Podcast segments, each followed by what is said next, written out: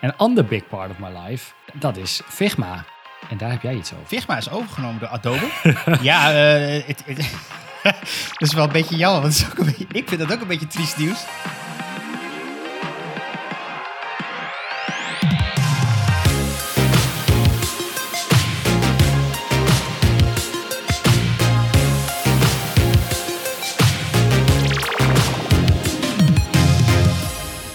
Welkom bij de Pixel Paranoid podcast. Ik ben Mikelle en samen met mijn co Rick gaan we alles behandelen rondom UX, UI en frontend development. En we're back! Het heeft even geduurd. De laatste aflevering was wel spot on. We zeiden van, dit zou zomaar eens de laatste aflevering kunnen zijn. Ja, ja klopt. Nou ja, het was de laatste aflevering. Ja, er is, uh, er is veel gebeurd. Uh, vakanties onder andere. Uh, ik kreeg corona. En uh, nou, dat, dat bleef wat langer hangen dan ik had gehoopt. Dus dat was wel een beetje, beetje matig. Uh, maar ik, uh, ik ben er wel weer bijna, bijna, bijna bovenop. Ik, ik ben er nog niet helemaal, maar dat komt. Stapje bij stapje. Maar ehm, ja, wij hebben nu zoveel materiaal. We kunnen volgens mij nog wel, nou, nog wel 30 afleveringen maken. Afleveringen opnemen tot gelijk eind, eind van dit ja, seizoen. Ja. Tot aan de kerst toe en dan kunnen we nog in één keer door. Er is nogal wat gebeurd. Er is heel veel gebeurd. In de zomer. Heb jij iets? Heb je iets leuks? Wat? Gewoon voor de grap. Iets leuks. Iets leuks. Nou, ik heb wel iets oh, triests. Oh, en dat is dat hetgene wat ik hier liep te hypen, mijn Google Stadia, uh, totaal niks met frontend te maken, die hebben, heeft Google de nek omgedraaid. Ja. Dus dat is dan weer een beetje jammer. Ja, dat is. Uh, dus, ik, dat... Ik, ik, las dat. En aan de ene kant was ik uh, ergens niet verbaasd. En aan de andere kant vond ik het wel echt, dood, echt doodzonde eigenlijk. Want het was wel een dienst die, uh, zeg maar, nou, wat jij ook al heel vaak hebt genoemd, het zat supergoed in elkaar wel. Dus dat was niet ja, nou ja, de reden dat het gefaald dus, heeft of zo. Toen ik hier vorig jaar december mee begon, toen was de feedback online al van, ja, wanneer gaat Google Stadia killen? Ja. en alle mensen, nee, dat gaan ze niet doen. En nu was het opeens uh, dat ze het wel gingen killen. was een beetje lullig, want er waren schijnbaar... Uh, ze hadden het ook niet gecommuniceerd met uh, hun nou, developers die games op Stadia zetten. Dus er waren nog twee developers die hadden, zouden een week later een, een, een, game op Stadia zetten. Want daar hebben ze heel lang aan gewerkt. En die kregen op dezelfde moment te horen van Stadia stopt, maar onze game komt volgende week uit. Lekker is dat. Dus dat was een beetje, beetje zuur. En, en de, zo te zien had het um, marketingteam wist ook van niks. Want die had een maand geleden nog getwitterd van... nee hoor, Stadia gaat nergens heen. Alles blijft gewoon bestaan. En, uh, maar goed, pluspunt, uh, ze gaan wel alles terugbetalen. Dus ja, alle ja. games die gekocht zijn en alle hardware die je gekocht hebt... krijg je als goed is gerefund. Dus toch een jaar gratis kunnen gamen. Ja, dat is op zich wel chill. En de controle en zo mag je maar houden. Dan kun je nog geen PC hangen, geloof ik. Ja, je mag, mag je allemaal houden, inderdaad. Het is alleen uh, de vraag of ze hem nog gaan updaten... dat hij ook bruikbaar wordt, draadloos oh, ja. bruikbaar wordt voor andere dingen. Hij is uh, wired nu gewoon te gebruiken, maar draadloos, ja. Uh, ja. draadloos niet. Maar goed, dat was totaal niet UX-related. Nee, maar, maar wel wat er gebeurd is. is en, big part of your life. ja, ja, ja, precies. Een ander big part of my life... Uh, dat is Figma. En daar heb jij iets over. Ja, uh, is iets dat is wel een beetje jammer, want is ook een beetje, ik vind dat ook een beetje triest nieuws. Maar uh, ja, ja, ja, natuurlijk het grootste nieuws wat, wat in onze afwezigheid wel gebeurd is, denk ik, is Figma is overgenomen door Adobe. Volgens mij is het nog niet helemaal formeel alles in kannen en kruiken. Ik bedoel, beide partijen hebben gezegd, nee, ja, we gaan door, maar dat moet nog, denk ik, door boards heen en zo. Voor een bedrag van 20 miljard dollar. Dat is al veel geld. Um, dat is de helft wat Elon voor Twitter betaalt. Dus. Ja, alleen Figma versus Twitter. Ik vind dat nogal, weet je, Figma wordt door veel mensen gebruikt. Maar het is, het is een tool voor professionals. Het is niet een tool, het is niet als Paint of zo, zeg maar. Dus... Nee, nee, nee, nee. Het is 20 miljard, ja. En Adobe. Maar ja, Adobe heeft toch al een hartstikke mooi, geweldig designprogramma. ja, nou ja, dat is. Dit, het, uh, nou, ik vind het wel weer leuk. Want ze zou weer uh, smullen op Twitter en op blogs en, en weet ik het wat. Want iedereen heeft nu allemaal van ja, oké. Hebben ze Figma overgenomen. Dus ik, we snappen dat wel. Hè? Wij hebben in, het, in deze podcast eigenlijk al besproken wat we van Adobe XD vinden. Kan eigenlijk net niet bijbenen. Er zijn best wel wat features die maar steeds niet ontwikkeld worden. Dus het lijkt wel alsof het een veel kleiner team achter zit dan dat Figma dat heeft. Eh, ik weet het niet, maar zo voelt het. Mhm. Ehm, en ik, ik, ik dacht, nou, laat ik eens even kijken. eh, wanneer was de laatste update eigenlijk van Adobe XD? En die was dus 26 april. Eh, En dat is best wel alweer een tijdje geleden natuurlijk. Dat was de, oh, serieus? Oh, damn. Dat is gewoon een half jaar geleden dat de laatste... Dus sinds die tijd hebben ze gewoon ook niks aan gedaan. Nee, en ik zit dan al, Geen, geen ik zit dan al een nieuwe features. beetje te denken. Oh. Het is natuurlijk een beetje eh, roddelen, maar eh, wisten ze toen niet al dat ze dat gingen doen? Dat ze Figma over wilden nemen. Want waarom zou je nog diehard willen investeren in, in je eigen tool als je, als je Figma hebt aangeschaft? Ja, het is wel een goeie, want ze hebben natuurlijk zometeen twee tools naast elkaar draaien. ja. Dan bestaat de, is de kans groot dat ze of een van beide de nek omdraaien. Nou, dat lijkt me dan XD te zijn. Of, of ze gaan XD mergen in Figma, soort van. Dat mensen die XD-files hebben die... Nou ja, eh, je kunt, er zijn genoeg eh, plugins waarmee je nu al andere files in Figma kunt Ja. openen. Ja. Eh, dus dat er een team wordt opgezet die XD-files in Figma kan openen, zodat iedereen die XD gebruikt heeft eh, in Figma verder kan, kan werken. Maar Figma CC, de rename natuurlijk dan. ik, mijn vraag aan jou is, wat zou, het voor, wat zou een voordeel kunnen zijn dat Adobe het nu heeft overgenomen? Een voordeel. Voor de eindgebruiker of... Ja, whatever. Want ik zie, het, ik zie het nog niet helemaal. Wat een voordeel zou Nee, kunnen ja, ik ook niet. Figma had volgens mij eh, voldo- voldoende investering, voldoende geld, voldoende mensen, voldoende gebruikers. Ja. Dus daar zullen ze het niet per se voor hebben hoeven doen. Want ze hebben iedereen er al redelijk uitgeconcureerd, zeg maar. Dus, en naar nieuwe features was ook geen gebrek. Het was ook niet zo, goh, oh, weet je, het zit er maar een klein team op. Nee. Dat was, dat was het allemaal niet. Nee, en ik las ook ze dat het, willen niet blo- eh, de, de laatste financiële injectie, want het was eigenlijk een beetje een, nou, een start-up, eh, is, is Figma eigenlijk. En met die laatste injectie waren ze gewaardeerd op volgens mij 5 miljard. Ehm, en, en ik las van een, eh, dat is ook wel weer grappig, ik las dus een, toevallig gisteren een blog van een oud werknemer van Adobe XD. Die heeft aan het Adobe XD-pakket gewerkt. En eh, deze beste meneer die heeft aandelen van Adobe, want die, die kan je krijgen als je daar werkt eh, bij Adobe. Mhm. En die was eigenlijk wel pissed, want het hele Adobe, Adobe-aandeel is helemaal down the drain. Want iedereen vindt eigenlijk dat ze veel te veel geld hebben neergelegd voor Figma. Omdat de laatste Oh. waardering was 5 miljard. En nu hebben ze Ja. er vier keer zoveel voor neergelegd. En ehm, waar iedereen nu een beetje bang voor is, is dat het geld nu een beetje op is om eh, nog meer te investeren in Figma. Eh, omdat ze krijgen nu, omdat ze Oh. overgenomen zijn, krijgen ze natuurlijk geen kapitaalinjectie meer. Want het is nu van het grote Adobe. Nee, zo. Nu, moest, nu is Adobe is de grote sponsor, Ja. zeg maar. Die moet, nu het, eh, die moet iedereen gaan betalen aan de nieuwe features. Ja, goed, als je zoveel geld neerlegt, dan... Nou, Ik- In die blogpost stond dat Figma een los operating bedrijf bleef. Dus het wordt niet, eh, zeggen ze nu, hè?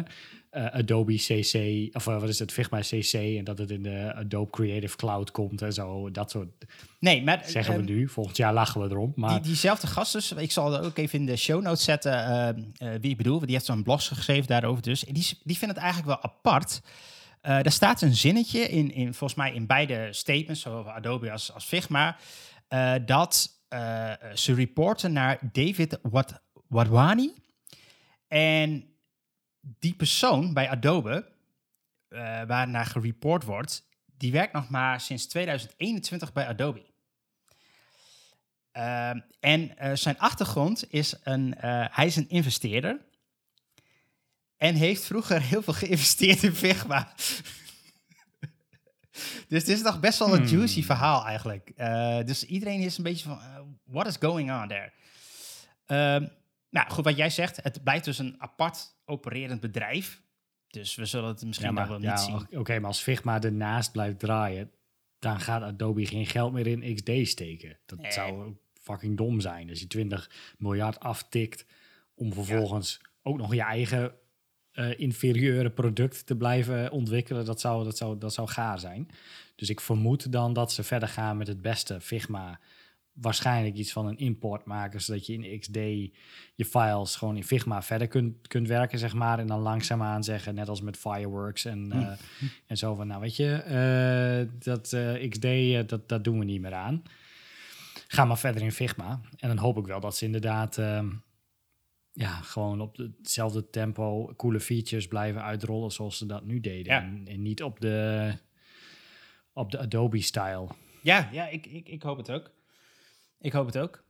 Eh, we, we gaan het meemaken. Ik, ben- ik ben heel erg nieuwsgierig. Ik, ik weet niet of het eh, per se, eh, per se positief is.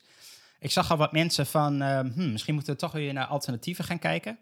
Nou ja, we hebben Sketch nog steeds. Sketch. Sketch is Ja, still die, alive. die, die, ja, die founders die eh, liggen nog steeds huilend. eh die, ah, goddammit, hadden ze ons nou maar gekocht. Ik, ja, denk je? Ja, ik weet. Ja, natuurlijk. eh, die wil ook wel een zak geld. Maar ik, ik denk ergens. ehm, ik zie ook nog wel een deel van de gebruikers nu zeggen van, nou, ik ga toch terug naar Sketch. Omdat ik wil niet. nou ja, als ze, de, als ze het, het businessmodel eh à la Google gewoon opeens wel over de, op de schop gooien en zeggen nee, het wordt onderdeel van Creative Cloud en het kost je opeens eh 199 euro per maand of zo. Maar dan krijg je er ook Photoshop bij en dat soort dingen. En mensen zeggen ja, weet je, leuk allemaal, maar ik wilde gewoon mijn coole Figma hebben in mijn verschillende tiers met hoeveel artboards en, en teams ik kon Ja. maken. Dat mensen inderdaad weer teruggaan naar, ehm, naar gewoon een jaarlicentie eh, of maandlicentie voor Ja. Sketch. Dat, ja, dat, dat, dat kan. En ik zag. eh, Ja, ik, het voordeel Figma is wel gewoon in de browser en zo. Sketch heeft het nu ook, maar ja, ik, ik, ik heb eigenlijk. eh, ja, ik heb Sketch al tijden niet meer aangeraakt. Dus ik zou echt niet weten wat, wa- waar het nu staat, zeg maar. Of het nu. ja, ze hebben volgens mij wel een webversie nu en ook die eh samenwerkoptie. Maar goed, Figma is miles ahead natuurlijk. Ik zag ook een, een nieuwe speler. Daar was, was ik niet bekend mee. Eh, dat heet eh Penpot. Ken jij dat? Nooit van Nee, gehoord. ik, ik, ik ken het ook niet van. Maar het is, het is eigenlijk een beetje een, eh, een Figma. Maar dan open source. Ehm, dus dus Ja, iedereen kan eraan aan bouwen. Je kunt eraan meewerken. Je kunt, wauw. eh, ze, ze, ze baseren het helemaal op de standaards zoals SVG gebruiken ze. Ja, En ehm, ik, ik zie het. Het is wel grappig. De site heeft wel wat Figma-achtigs weg, zeg Ja. maar. En het hele programma lijkt... Ja, Sketch, Figma lijken ook allemaal op elkaar. Maar nou ja, dit lijkt ook exact ja, daarop. ja, eigenlijk wel. Ehm, En dus gratis. dat, oeh, dat, dat zeg je Open iets. source. Ja, get started, it is free. Ja, I guess. Het is inderdaad gratis. Nothing is free. Ja, ja, nou oké. Ik, ik, ik weet je, ik vind op zich wel ehm, een nobel streven om, want de design community zit eigenlijk best wel ver altijd af van de open source en standaarden en open standaarden. Dat, dat- heel veel designers Ja. boeit dat waarschijnlijk helemaal niet. Ik wil gewoon goede, leuke, toffe shit maken. Maar ik vind het op zich wel een goed idee dat zij eh, ook in die eh, hoek zijn gegaan. En misschien, eh, misschien kan dit wat worden. Ik weet het niet. Ik heb geen idee. Het zal, het zal echt nog niet op dezelfde kwaliteit Nee. zitten als Figma. Hoor. Dat, dat geloof ik ook niet. Maar ik, ik ga het even in de gaten houden. Penpot. Oké. Nee, ik, eh, ja, ik, ik zou zeggen, ik ga het proberen, maar dan heb ik er weer Nee, ja, nee ik- dat, dat, dat, dat zal het ook niet zijn. Maar ik ga het gewoon in de gaten houden. Weet je, en als Figma de verkeerde kant op gaat, dan, eh, nou, wie weet waar, waar, we dan, eh, waar we dan staan. Check. Oh ja, dat dat is- Ja, ik kwam sorry, een... eh, ik heb nog één dingetje, nog een fun fact. Oh. Want ehm, eh, wat wel grappig is, op de Figma-website staat nog steeds een eh, artikel eh, van Figma versus Adobe XD. Die hebben ze dus niet eraf gehaald. Oh, er was een blogpost van Ja. Figma over waarom Figma beter Ja, was dan die Adobe staat nog XD. steeds live. Oh, nice, nice, nice, nice. Ehm, we hebben het wel eens gehad over eh, GitHub Copilot. Yes. Ehm, het eh, AI-stukje van GitHub, een plugin die jou kan helpen met eh, coderen. Dus die op basis van wat jij typt in een comment of op basis van een functienaam of iets waar jij mee begint te typen, stelt hij voor om een bepaalde functie te maken. Dus als jij een comment gaat schrijven in het Engels, maar hij doet het volgens mij ook in het Nederlands, ehm, weet ik veel, dat je iets van vierkante meters wil uitrekenen of een valuta wil Ja. omzetten of een postcode wil ophalen of weet ik veel iets, dan typ je dat gewoon in een comment of een functienaam die je, die je postcode checker noemt en dan zegt hij, wow, wil je deze vette functie hiervan hebben? Want dit heb ik geleerd van alle code die ik heb gezien. Ehm, en hier heb je een dikke vette postcode ophaal, eh, adres ophaalfunctie of zoiets dergelijks met dikke API-koppeling, alles erop aan. Maar goed, ehm, GitHub is eh, volgens mij eerder dit jaar of eind vorig jaar overgenomen door Microsoft. Ja. En GitHub Copilot, dat is dus de AI, die wordt gevoed door, eh, of machine learning, AI, wat is het? Ehm, wordt gevoed met code van GitHub. Dus alle projecten die op GitHub staan, die gaan in dit grote machine learning AI ding en daarvan leert hij en op basis daarvan mixt die, matcht die code. Dus als jij typt dat jij een postcode functie wil hebben, dan heeft hij vast wel ergens dat in een project gezien en dan denkt hij, nou, dat stel ik voor. Ehm, nou is het zo dat er dus al een paar mensen zijn geweest, en die hebben ook een eh, blogpost geschreven, dat de AI wordt getraind met alle code die op eh, GitHub staat. Maar er staan ook code op GitHub met een licentie die kopiëren of hergebruik van die specifieke code verbiedt. Ondanks dat het publiekelijk beschikbaar is. Dus ja, dat project staat online, maar heeft een licentie dat je het niet mag overnemen, zeg maar. Nou, er zijn dus al een paar mensen eh, die eh, op Twitter eh, zeggen: hey, als ik deze comment intyp, dan rolt daar vervolgens mijn exacte stuk code uit van mijn project die op GitHub staat met een hele grote licentie, dat je dat niet zo mag copy-pasten. Nou, daar gaat wat discussie eh, over heen en weer. Van ja, is het dan copy Is het diefstal, zeg maar? Er, er zijn ook een paar mensen die, die hebben dan, die zien stukken van hun code terugkomen. Dus dan heeft hij dat gemixt, matched met andere stukken code. Dus dan is het is een beetje een, een midden, een, een middenstuk, zeg maar. Wat, wat, wat vinden we daarvan? Wat moet je Ja. daarmee? Ja. Ik vind het, ik vind het ook En- een beetje... Ik, ik vind het een tricky verhaal.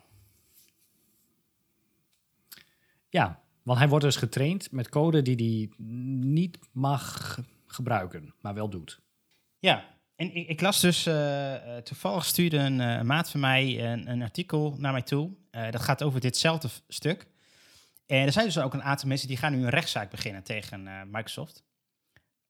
Omdat zij inderdaad zeggen van... hey, jullie gaan tegen onze licenties in. En ik zie code waar ik op bloed, zweet en tranen in heb zitten... gewoon gratis bij iemand anders op de plank liggen. Eh, niet helemaal de bedoeling. Ja, want het zijn inderdaad ja, projecten die eh, gratis te gebruiken zijn, maar die vervolgens worden geïmporteerd door ontwetende developers bij grote bedrijven die daar geld mee Ja. verdienen. Ehm, weet ik veel, iemand heeft inderdaad een postcode ding geschreven, ik noem maar wat, en vervolgens is er een of ander bedrijf die een postcode API ding aanbiedt en gewoon die functie, ehm, of dat hele stuk code daarvoor gebruikt. En daar volgens geld mee verdient. Ja, dat is niet ja, dat is, niet, de, niet Nee. de bedoeling. En wat deze persoon trouwens ook zei, en dat vind ik ook een interessant eh, gedachtegang, is als we allemaal eh diehard aan de Copilot gaan. Ehm, kijk, het hele idee van, van open source software schrijven en, en GitHub gebruiken is dat je eigenlijk een beetje onderdeel wordt van die community. Hè? Dus eh, je, je haalt Ja. code naar binnen, je ziet van wie dit geschreven is. Stel je komt een bug tegen of je hebt een, een feature request. Nou, claim je dat daarbij in, dat, dan meld je dat bij die persoon, bij die author. En nou, zo gaat het hele open source wereldje zeg maar beter en het groeit. Ehm, als we straks allemaal aan de Copilots zouden zitten, dan heb je dus eigenlijk helemaal geen interactie meer met de mensen die origineel die code hebben geschreven. Want je weet niet wie dat heeft gemaakt. En als Nee. een feature request hebt of wat dan ook, je hebt geen idee waar je dat moet melden. Ja, ja, precies. Ja, nee, ja. Of, of je, je trekt iets binnen waarvan iets echt nou, beter, beter kan. Dan denk je, oh, als dit ergens vandaan komt, dan zou ik Ja. het kunnen aangeven van, hé, hey, dit moet je op een andere manier doen Ja. of zo. Maar ja, we weten niet waar het vandaan komt. Maar dan gaan we ervan uit dat het één op één gekopieerd wordt ergens vandaan. Ja. Dus dat, dat het nergens Ja, de computer, zeg maar, heeft gedacht van, oh, weet je, ik, ik plak dit samen en dan zou dat misschien werken. Nou, en ja, en wa- waar deze persoon dan een beetje bang voor is, en ik weet dat gaat misschien wel wat ver, maar hij, hij denkt dat dit eigenlijk het, het sterftepunt is van open source. Omdat als niemand meer getriggerd wordt om software beter te maken... en eigenlijk alles, alles maar voorgelepeld krijgt door een, een AI... Ja, waarom Ja. zou je nog effort steken in iemand anders code en... en Wordt de code niet steeds slechter ook? Als wij zeg maar, ik, ik co-pilot iets, dat commit ik weer. En dan, daar gaat hij zelf weer iets van vinden, zeg maar. En dan op een uur hebben we gewoon super contraption spaghetti. Ja. eh, Nou ja, het is, het is natuurlijk wel eh, eh, shit in is ook shit out. Dus ehm, ja, Ja, ja, er was nog de, in het blogartikel, wat wel in de show notes komt te staan over dit, ging het ook nog over, van het zomer heeft ehm, de developer van Faker.js, dat is eh, volgens mij een library waarmee je ehm, dummy request dingen en zo kunt, eh, kunt, kunt doen, die was het niet eens met, ehm, volgens mij, deze hele bedoeling. Eh, dus die heeft expres de code gesloopt van zijn eigen repository. Zijn eigen open source repository op GitHub. Heeft hij expres eh, een dependency weggehaald of iets gesloopt, waardoor het bij iedereen die de laatste versie binnentrok doodging. Ehm, waardoor het hele internet tot stilstand kwam op dat moment. En toen heeft Microsoft van de eigenaar Ja. van GitHub ingegrepen en dus, en eh, trouwens ook de eigenaar van NPM, ingegrepen en de repository teruggedraaid naar de vorige versie waar dat niet gesloopt was. En hemzelf toegang eh, ontzegd van zijn eigen repositories. Oeh. Dus de developer, ja, dus de developer van, van eh, Colors.js en Faker.js, die ehm, opzettelijk in dit geval iets sloopte, hebben ze dus zijn eigen toegang tot zijn repositories eh, ontdaan en, eh en teruggerevert naar de vorige versie. Hmm. Wat inhoudt, als je, als, in dit geval was het opzet, maar wat als een programmeur die een of andere veelgebruikt eh, library ehm, heeft gemaakt, een keuze maakt waar, nou in dit geval eh, een, een groot bedrijf het niet mee eens is, Microsoft, dat hij dan kan zeggen, nee, nee, weet je, leuk hoor, maar dat gaan we niet doen. Tof dat je het allemaal gemaakt Maar- hebt, maar eh, die keuze... Dat, dat, dat- dan, is de- dan is dit toch ook geen open source meer? Al als Microsoft stiekem eigenaar is? Wat, wat, wat is Microsoft in dit ja, geval? is het, ja, nou ja, ja, inderdaad, is Microsoft de eigenaar of niet? Wie is de eigenaar van die, van die code op GitHub? Hmm. Hm. Ik vind, eh, ja, oké, dit is, eh, een het heeft een nasmaakje, om het maar zo te zeggen.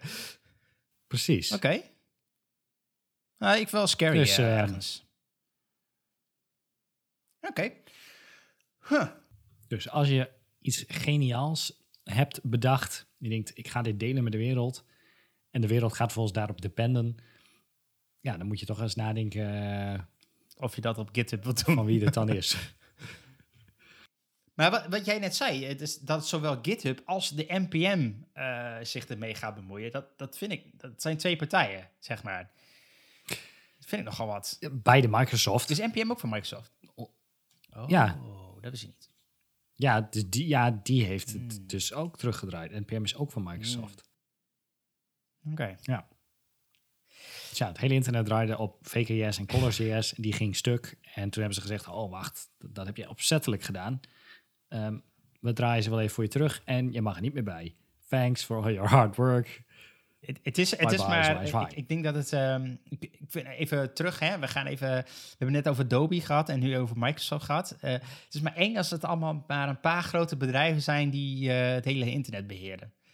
Dat eh, denk ik niet een heel goed idee. Lijkt me. Nee. Nee, ja, nee, eens, eens, eens. Alright. Ehm, heb je nog iets anders tofs? Je hebt, ja, jij zei je had heel veel, dus ik, ik, ben, eh, ik ben heel erg benieuwd. Oh, eh, ja, ik kwam eh WebDev, de, de MDN van, van Google. Die ehm, heeft, iemand kwam bij mij van zomer, hey, waar kan ik HTML, CSS leren? En dat is altijd zo'n vraag. Ik denk, ja, waar ga je dat eigenlijk Ja, leren? Uit een boek? Nee. Je leert dat door het te doen. Zijn er van die tutorials? Ja, dan kom je op Udemy. Code en- en- Academy en en- dat soort dingen terecht. Ja, nou ja, Code Academy oké, maar die video-websites heb ik altijd een beetje zo'n hekel aan. Maar dat zijn gewoon van die mensen die dan een betaalde cursus online zetten, waarbij ze gewoon letterlijk shit gaan voorlezen van een gratis ding, over stelen gesproken. Ehm, dus die vragen dan 100 dollar voor een of andere cursus, waarbij ze gewoon CSS-tricks Ja. voorlezen. Eh, met alle voorbeelden. Maar goed, eh, toen kwam ik dus inderdaad Code Academy tegen, maar ook eh, zag ik dat web.dev ook een heel handboek heeft voor CSS. Gewoon echt van alles van wat is het, hoe werkt het, de basics, ook HTML. Maar ze hebben nu ook eentje voor accessibility. Ze zijn er nog mee bezig. Ze hopen hem voor het einde van 2022 helemaal af te hebben. Ehm, maar ja, ze hebben het gewoon heel duidelijk omschreven. Eh, het is gewoon goed leesbaar. Voor als je nog niet precies weet hoe het zit of je wil even wat details hebben. Ehm, er staat in wat, wat is accessibility, voor wie is het, wanneer zijn mensen, eh, laten we zeggen, beperkt. En dat houdt dan in dat niet iedereen eh, wel eens beperkt is. Als je een gebroken arm hebt, in de trein zit, met slecht internet, eh, ergens zit waar de zon op je scherm schijnt, waardoor je contrast niet goed is, dan is iedereen op dat moment wel eens beperkt. Ehm, dus het is niet alleen voor mensen die in een rolstoel zitten. eh, of met een, een rietje, een toetsenbord bedienen, zeg maar. Dat is niet voor wie je een website toegankelijk hoeft te maken. Zelfs als je doof bent, dan ehm, moet de website toegankelijk voor je zijn. Ehm, dus dat soort dingen. Maar goed, dat, eh, daar gaat het over. Het gaat over hoe wordt het gemeten. Dus ze leggen een stukje uit over de WCAG-regels. Ehm, die WCAG eh 2.1 en dan A, A, A en triple E, wat dat dan inhoudt. Ze leggen uit wat eh, area is, A-R-I-A. Ehm, wat nog meer? Het stukje over contrast hebben ze momenteel gevuld. Eh, animaties, typografie. Dat is allemaal hoofdstukken die zijn afgerond. En ze komen nog met een stuk over JavaScript. En dat gaat dan over het toggelen van ehm button statussen van, van minuutjes en zo dergelijks met Area Expanded. Dat je dan moet triggeren met JavaScript. Eh, forms, hoe je het beste forms kunt opzetten. Video eh, met captions en, en dat soort eh, zaken. En testen. Daar ben ik wel benieuwd naar. Welke tools ze daar Ja. voor, ehm, eh, voor aanraden. Dus dat zijn ze nog aan het doen. De laatste vier, vijf hoofdstukken volgens mij. Maar eh, de rest ehm, is al af. Dus ehm, dat is een aanrader als je daar de basics van wil weten. Eh, omdat je daar voor je werk eh, iets mee wil doen, moet doen. Dan ehm, is dat een goeie. Cool. Interesting. Ja.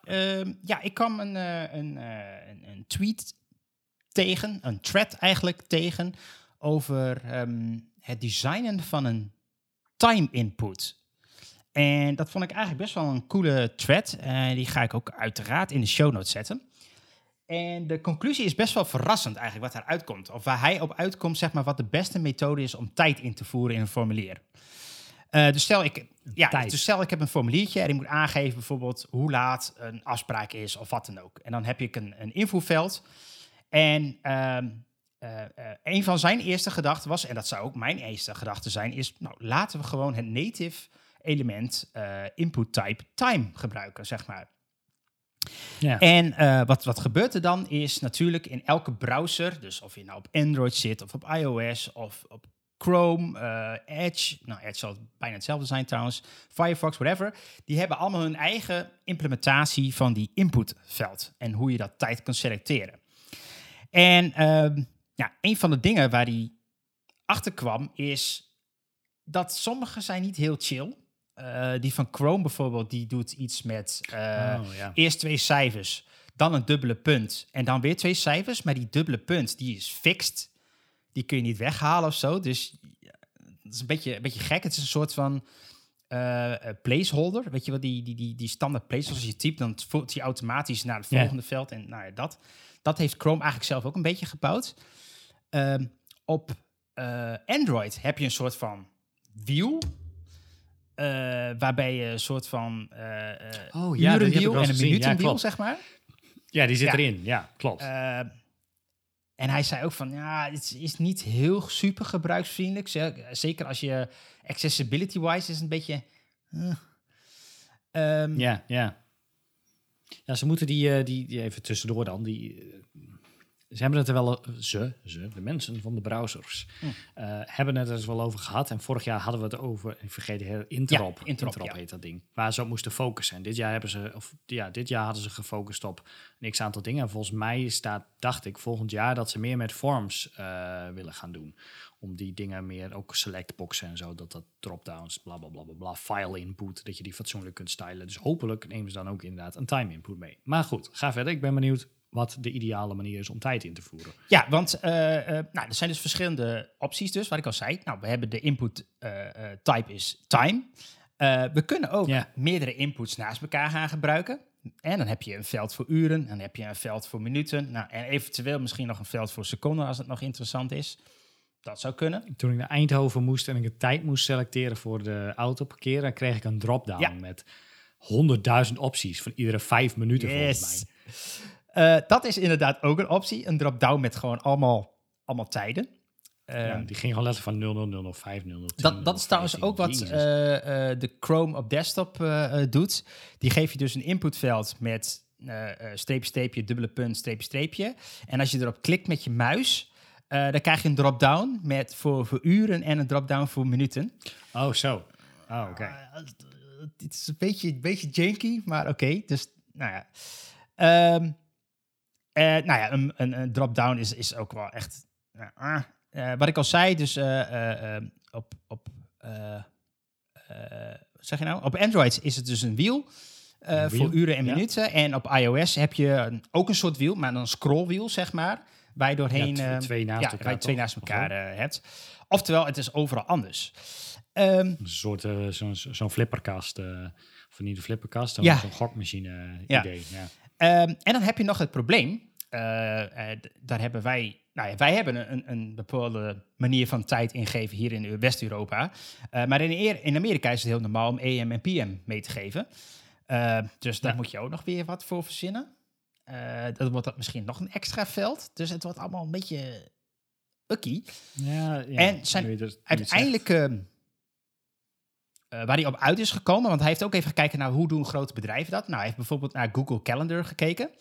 Eh, die komt ook met een soort van drop-down met elke vijf minuten, volgens mij. Eh, dus je kunt een drop-down kiezen en dan pakt hij altijd de tijd hoe laat Ja. het nu is, zeg maar, eh, als een soort default. En dan elke keer vijf minuten erbij, vijf minuten erbij. Dus, en volgens mij kan je wat intikken, als je zou willen. Je kan het overrulen. Not sure. Oké, ik, heb- ik heb jouw artikel niet gelezen, maar mag ik een gok doen waar het heen Ja. gaat? Tuurlijk. Gaat, gaat die, eh, wordt het gewoon een eh, vul maar wat in en wij zetten het om naar wat wij denken dat het is? Yep. Dus die gewoon inkult 4 pm of 16 of 16 Ja. dubbele punt 00 of whatever. Want, ehm, want wat ik wel leuk vind, wat zijn conclusie dus eigenlijk is van, ja, we kunnen heel veel aan de voorkant doen om de gebruiker een beetje te forceren om een tijd in te voeren. Eh, het probleem is alleen eh, dat eh, als je, stel, zeker zeker als je een website moet maken, ik noem maar wat voor een booking.com die over de hele wereld heen zit, dan zijn er zoveel manieren om tijd in te geven, dat, daar word je helemaal niet gelukkig van. Maar wat dan inderdaad, als je nu één invoerveld doet, waar je alles in mag flikkeren wat je maar wil, en we gaan het gewoon aan de achterkant uitzoeken wat je nou eigenlijk hebt ingevoerd. Ja, dat is mijn. eh, dat, dat, vind ik een van de beste features van mijn kalender-app. Ik gebruik eh, Fantastical op iOS.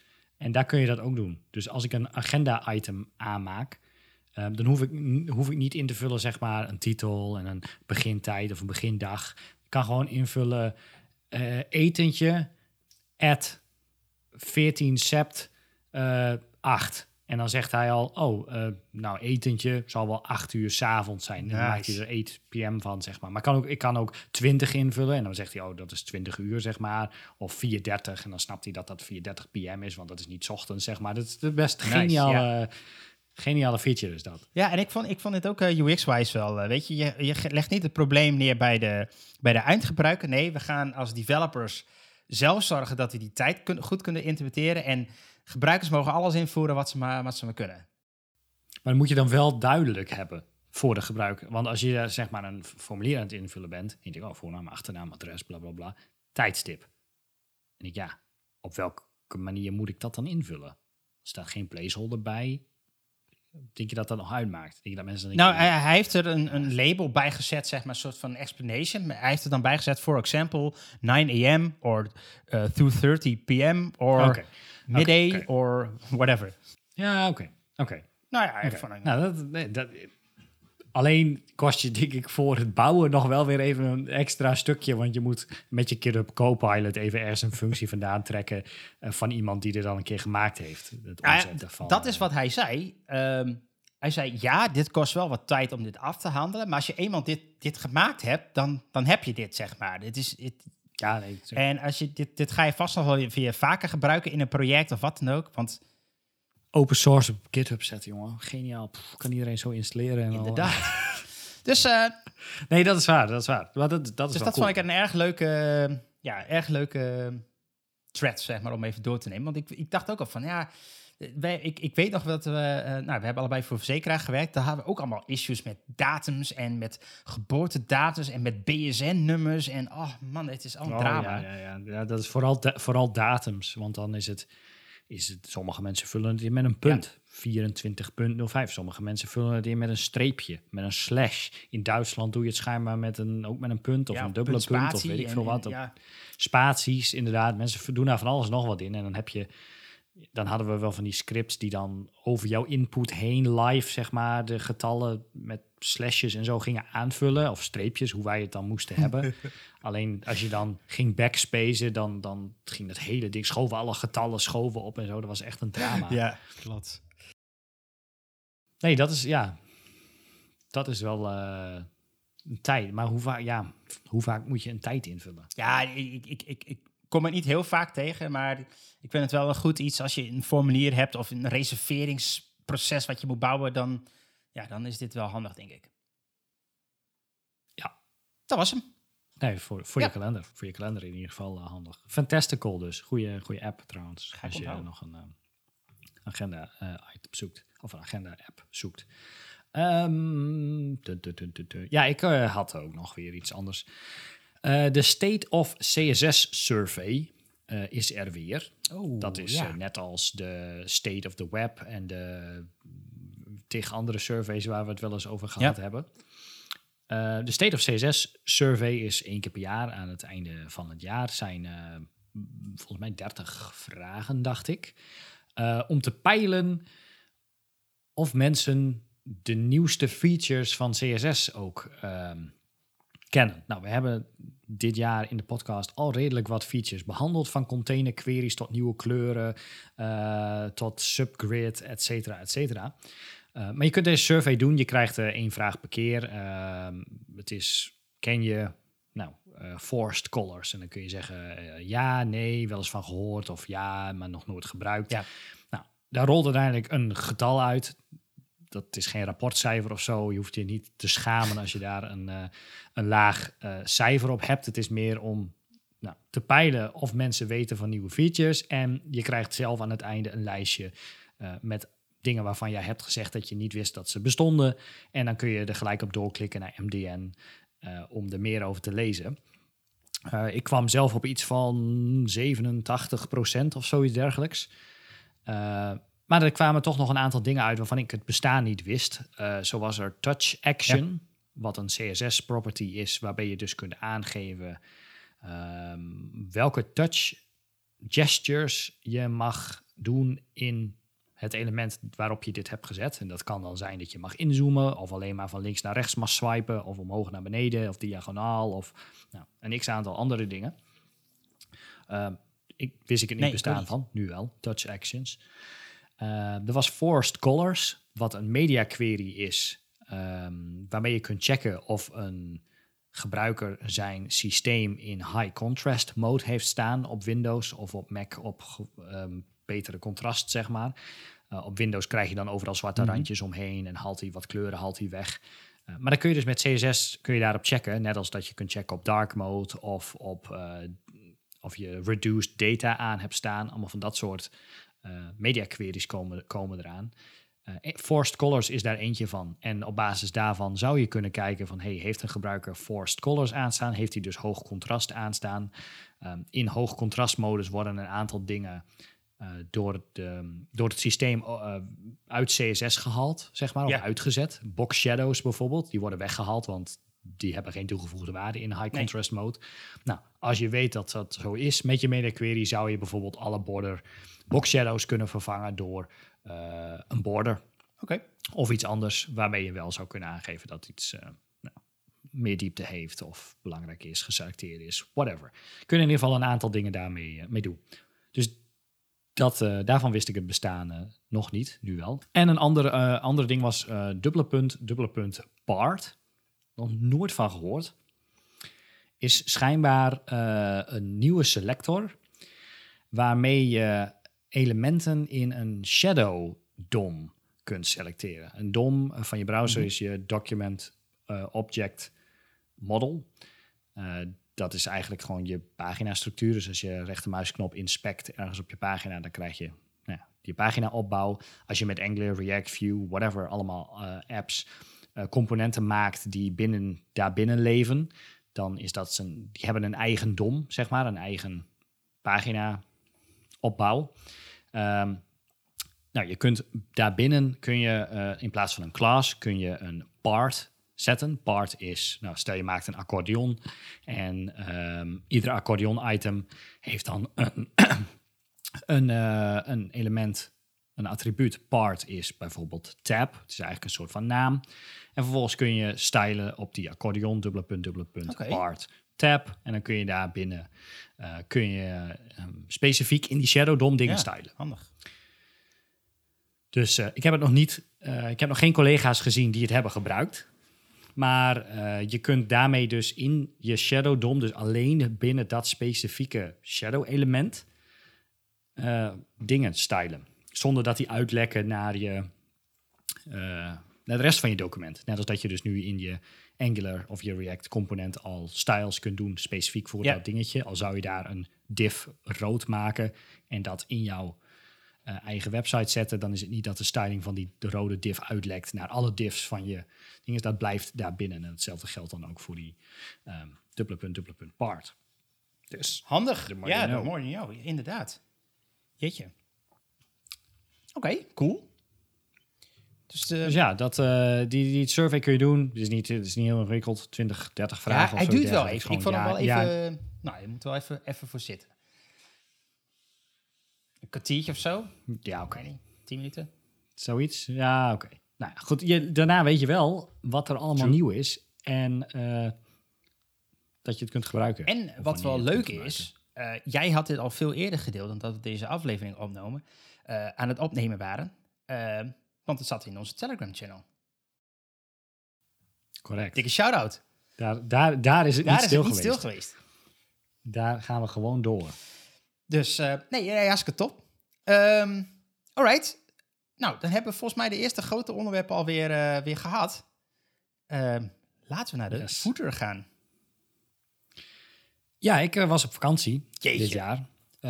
Ja, is ongelooflijk. Naar een land niet in de Europese Unie. Ehm, wel in de EU, maar niet in de Europese Unie. Waardoor je geen roaming daar hebt. Nee. Dus als IT zijnde, als IT'er zijnde is natuurlijk grootste paniek, want er is geen internet. Wat moet je dan? Een simkaart kopen, zodat je wel internet hebt. Nou ja, dan eh, ga je googlen, waar haal je zo'n simkaart? Ja, als je mazzel hebt kun je die op een vliegveld halen. Of je moet in het centrum ergens naar zo'n sketchy winkeltje. En Ja. dan kun je daar eh, in je beste eh, Macedonisch vragen om een simkaart, zeg maar. Dat moet je in flippo's betalen en dan krijg je een simkaart. En dan, nou, allemaal hartstikke mooi. Dus ik had dat allemaal uitgepland. En ik was nog even aan het googlen en zei iemand van... oh, je kunt ook gewoon online een e-simkaart kopen. Dus dacht ik, e-simkaart? Ik heb een iPhone met dual sim, zeg maar. één fysieke simkaart en één eh, digitale e-simkaart van mijn, van mijn werknummer. Ehm, dus ik dacht dat je daar maar twee van kon hebben. één digitale en één fysieke. Maar je kunt dus zoveel digitale simkaarten installeren als je wil. Je kunt maar eentje tegelijk activeren. Dus zo kwam ik op de website Airilo. Air, Alo, geen idee hoe je het uitspreekt. Ehm, maar dat is een website waar je gewoon het land invult waar je heen wil. Eh, in dit geval ging ik naar Noord-Macedonië. En dan krijg je drie opties met 1 gig, 5 gig, 10 gig internet. Kost echt peanuts. Volgens mij moest ik 13 euro betalen of zo. Ja, dat is 100% duurder dan dat je hem in de winkel zelf had gehaald. Want dan schijnt hij 6 Oké. euro te zijn geweest. Ehm, maar goed, dan moest je daarheen met je paspoort en zo om een simkaart te kunnen kopen. En die moest je daarheen naar de winkel. Dus ik had dit online besteld. Eh, je krijgt een mailtje met: hey, dit is je e-simkaart, dit is je profiel. Klik erop op Android of op iOS. Krijg je een pop-upje, simkaart installeren. Ehm, nou, dan kun je hem activeren. En dan heb je gewoon twee simkaarten. Hij doet in Nederland doet hij niks. Hij wo- wordt pas actief als hij verbinding heeft met een cell tower waarbij hij een contract Ja. heeft schijnbaar. Nou, dus wij landen daar. Nice. Ik doe mijn telefoon aan en bam, je hebt gewoon gelijk 4G. Dus iedereen zat er zo, wow, in de bus, eh, zeg maar, naar ons eh, appartement. Iedereen zei, ja, je moet wel je telefoon uitzetten hoor, want eh 4G, eh, ja, we zaten allemaal van die oudjes in, de, bus, zeg maar, rust, rustig te appen. Zo van, nee, dat MB's kost hier 4 euro per MB, zeg maar, snel, zet je telefoon uit. En ik zat daar gewoon rustig alweer een beetje, beetje te internetten. Dit YouTube Dus, in de eh, bus. ja, precies. Precies. Nee, maar dat was, dat was eh, super handig, want nou ja, je loopt toch wel ergens Google Maps erbij, even wat reviews Ja. checken en dat soort, eh, Ja. dat soort dingen. Ehm, dus ja, dat- dat- ik, ik wist van het bestaan van eSIM-kaarts, van ik had eentje, maar ik wist niet dat je van elk land ter wereld, zeg maar, als jij naar midden in Afrika gaat of naar Amerika, want ik ben ook al een paar keer naar Amerika geweest en dan normaal nam ik een buitenlandbundel van mijn huidige Ja, abonnement. ja. Ehm, die, dat heeft mijn huidige provider doet dat dan weer niet. Of heeft dat wel, maar kost echt fucking Mm. veel geld. Maar als je, hiervoor zat ik bij T-Mobile en die heeft in Amerika bestaat T-Mobile ook. Dus dan kost het niks, zeg maar. Dan is het 20 euro voor 10 gig of zo. Eh, maar Vodafone heeft, eh, die, die vraagt je 20 euro voor 500 MB of zo. Dat is absurd. Dus dan moet je daar naar Amerika naar zo'n simkaart en dan moet je zo'n T-Mobile simkaartje Ja, halen, ja. bla bla bla. Nou, nu kun je dus heel- gewoon online een eSIM-kaart halen voor Amerika. Wherever je heen gaat, kost misschien iets meer dan fysiek in de winkel, maar je bent wel gelijk connected. Je hebt geen gedoe. Wel super Dus- easy inderdaad. Ja, Cool. Ik, eh, ik was echt amazed bij eh, hoe goed en simpel dat werkte en hoe goedkoop het was. Dus Nice. zeker een aanrader. En als je mijn code gebruikt, dan krijg je 3 dollar gratis. Nou, als dat nog niet een tip is, dan weet ik het ook niet meer. Ehm, ja, ik, zit ook, ik zat even te denken van, heb ik tips? Ik heb wel dingen, ik heb allemaal dingen. Dus ik, ik, eh, ik deel gewoon iets eh, wat mij opgevallen is in de laatste tijd.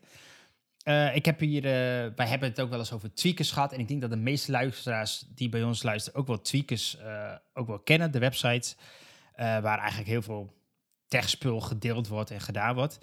Maar wat ik wel leuk vind, ze hebben sinds, nou, laten we zeggen, twee, drie maanden, vier maanden misschien.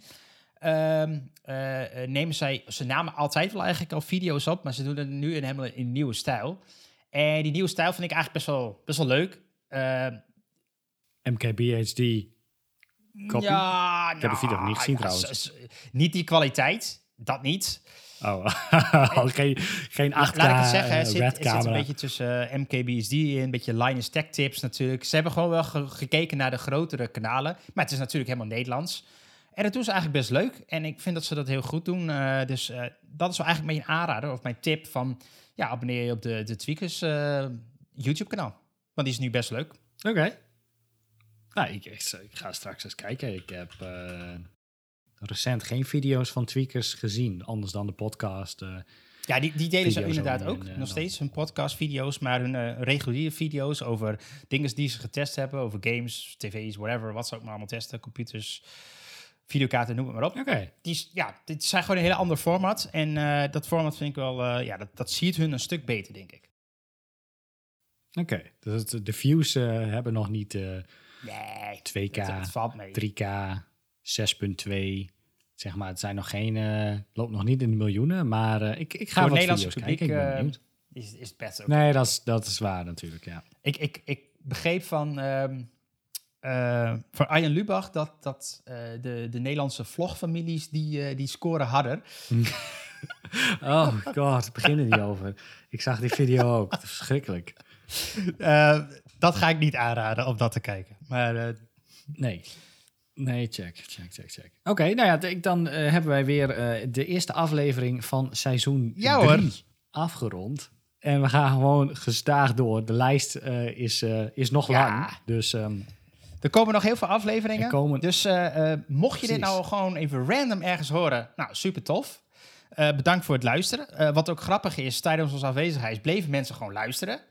Vond ik wel heel cool. Ja, natuurlijk niet, ja, de piekjes die we normaal hebben als een aflevering live komt, maar wel, het ging gewoon gestaag, gewoon lekker door. Dus dat is hartstikke tof. en we hebben een paar keer in de Apple Podcast top 150 Yep. gestaan. En zijn er volgens ook helaas Ja, weer ja, uitgevallen. Maar ondanks dat we geen aflevering hadden, toch een paar keer wel in die top 150 gekomen. Dus dat, is wel cool. Dat is zeker cool.